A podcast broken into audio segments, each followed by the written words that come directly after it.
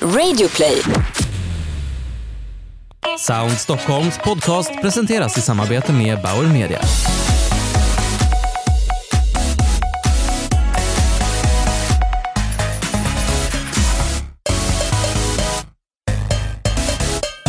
Välkomna till en podd där vi tar reda på hur ljud påverkar oss människor och hur varumärken kan använda ljud och ny teknik för att uppnå sina kommunikativa mål.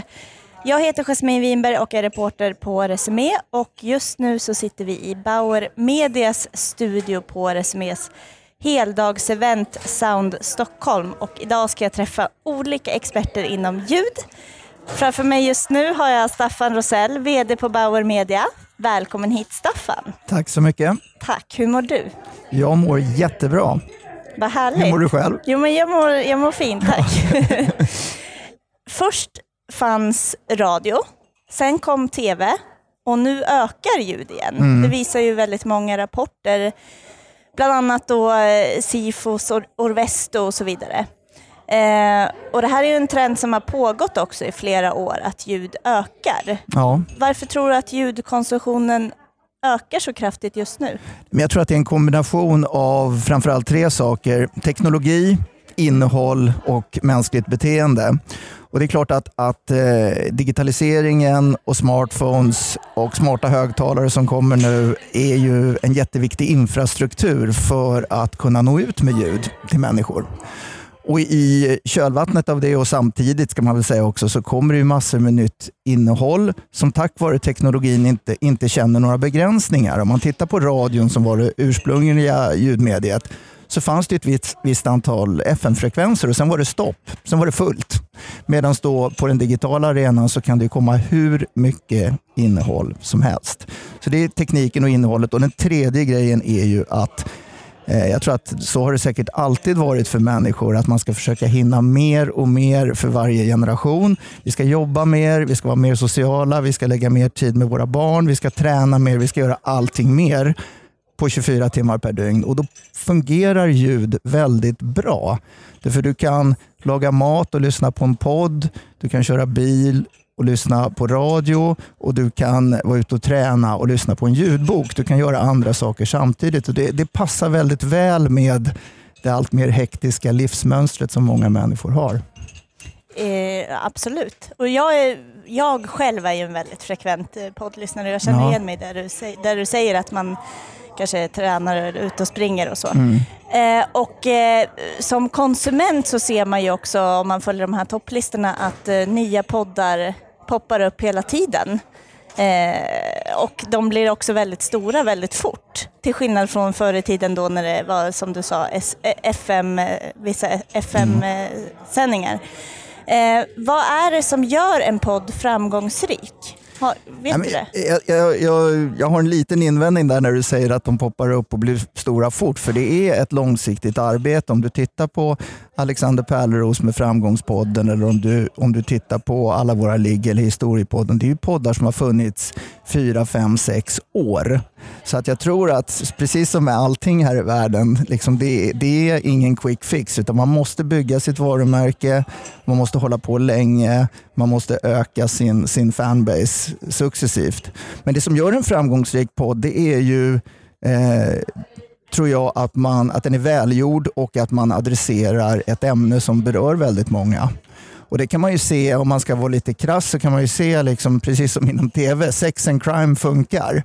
Eh, alltså det, det är liksom, män, människans drivkrafter är de samma oavsett om det är rörlig bild, eller om det är ljud eller om det är litteratur. Så att det gäller att hitta någonting som, eh, som är intressant för tillräckligt många eh, och sen göra det tillräckligt bra. Det lät ju enkelt, men det kan vara lite svårare. Men man ska hålla sig ifrån de här nischade ämnena då om man vill, om man vill Nej, växa. nej, men det, nej, men det behöver man absolut inte göra. Jag tror att i de här då större facken så finns det ju massor med spännande nischer. Eh, och, och till exempel då för att ta något annat än, än sex and crime så, så har ju vi historiepodden där det är två lärare som pratar om historia. Och när jag berättar eh, för människor från andra länder att det här är en av de populäraste poddarna i Sverige så tror de, tror de inte på mig. Eh, och Då är det ju väldigt enkelt att de är extremt skickliga på att berätta och prata om historia på ett sätt som, som blir intressant. Så den dramaturgiska förmågan ska ju aldrig underskattas i någon typ av, av eh, kommunikation. Man måste ha fallenhet och man måste göra det bra helt enkelt. När eh, når vi peak-podd? Jag, jag, tror så här, dels begreppet podd, det är ju bara ett samlingsnamn för ljudkommunikation. Och när når vi piken för ljudkommunikation? Aldrig, är ju svaret. Utan det kommer ju ta snarare nya former. Eh, om man tänker sig att en podd faktiskt bara är eh, inspelat ljud. Någon som berättar någonting, någon som intervjuar någon, eh, någon typ av, av, av eh, ljudinnehåll så kommer det ju aldrig att eh, ta slut, såklart. Så länge människor, människor har alltid pratat med varandra och människor kommer alltid att fortsätta att lyssna på andra människor. Och förutom, eh, du nämnde sex och crime eh, som funkar då, men förutom eh, de ämnena, kan du se några trender inom podd? Eh, svårt att säga. Jag tycker det är så många trender samtidigt. Det var ju, delvis så är det ju, var, var det sant det där med sex and crime, men det finns ju så mycket annat. Sport som är ett jättestort intresse för väldigt många människor. Eh, kända personer eh, upphör vi ju aldrig att, att vara nyfikna på. Så att om man nu ska gå tillbaka till det du sa, om man ska snabbt få en stor publik eh, för en podd, då ska man vara väldigt känd och spännande. Och Det kan vi ju se som, som David Batra, han får ju ganska snabbt en, en stor publik till sin podd som en okänd person aldrig hade fått. Ja, men det, det är ett framgångskoncept då. Är man känd så har man alla förutsättningar. Exakt, bli känd och sen starta en podd. Ja, det är härligt.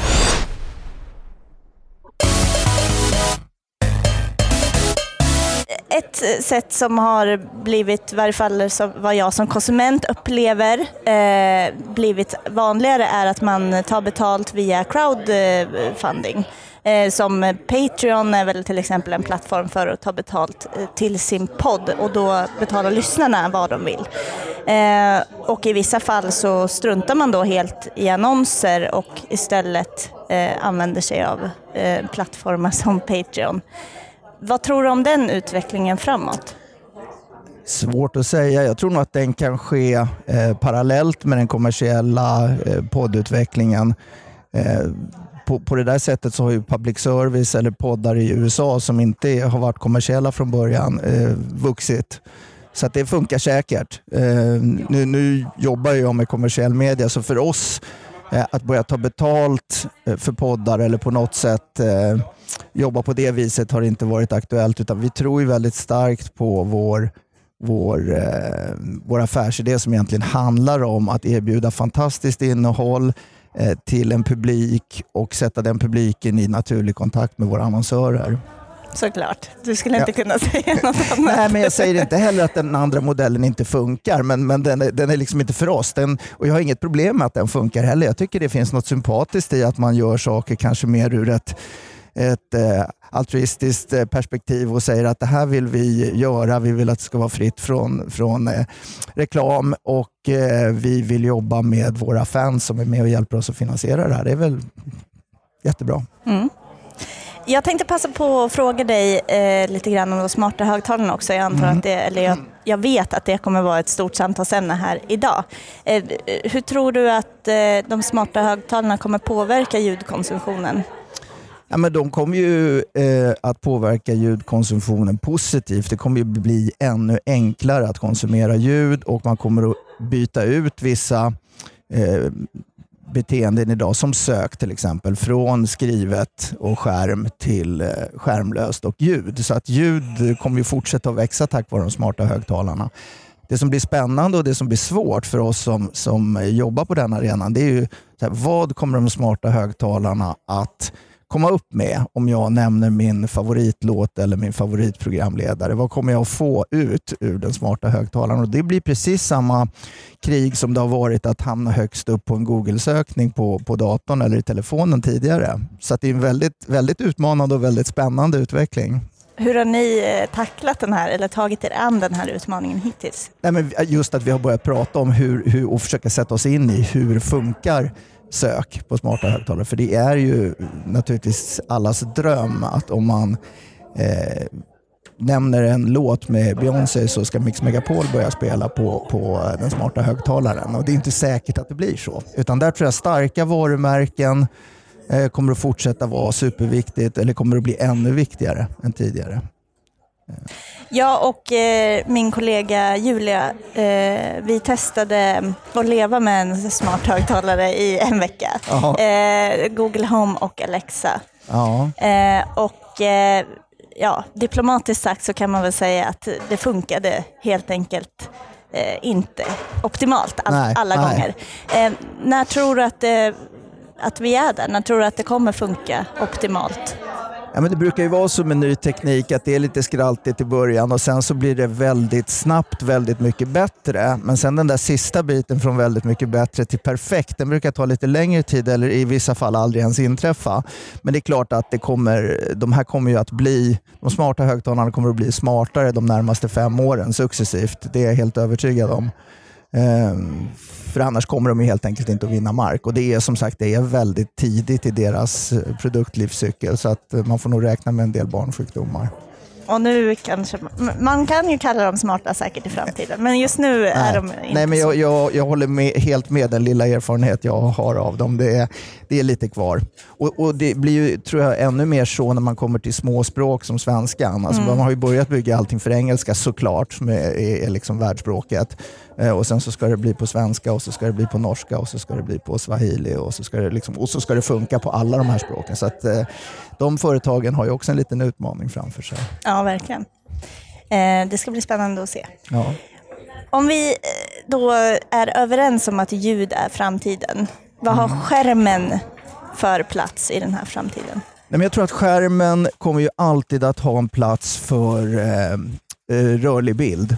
Alltså man kommer att vilja se. Man kommer att vilja se på fotboll, man kommer att vilja se dramaserier, man kommer att vilja se andra människor och, och man kommer att vilja se händelser utspela sig visuellt. Där kommer skärmen fortsatt att ha en väldigt stor betydelse. Sen tror jag den kommer att ha en mindre betydelse då till exempel vad det gäller sök. För det är klart att det är mycket skönare att bara gå runt i sitt hem och säga det där sökordet än att sätta sig framför datorn och skriva in det. Så att mer, mer, mer eh, skärmanvändning specifikt för, för drama och för, för eh, olika event som man vill ta del av.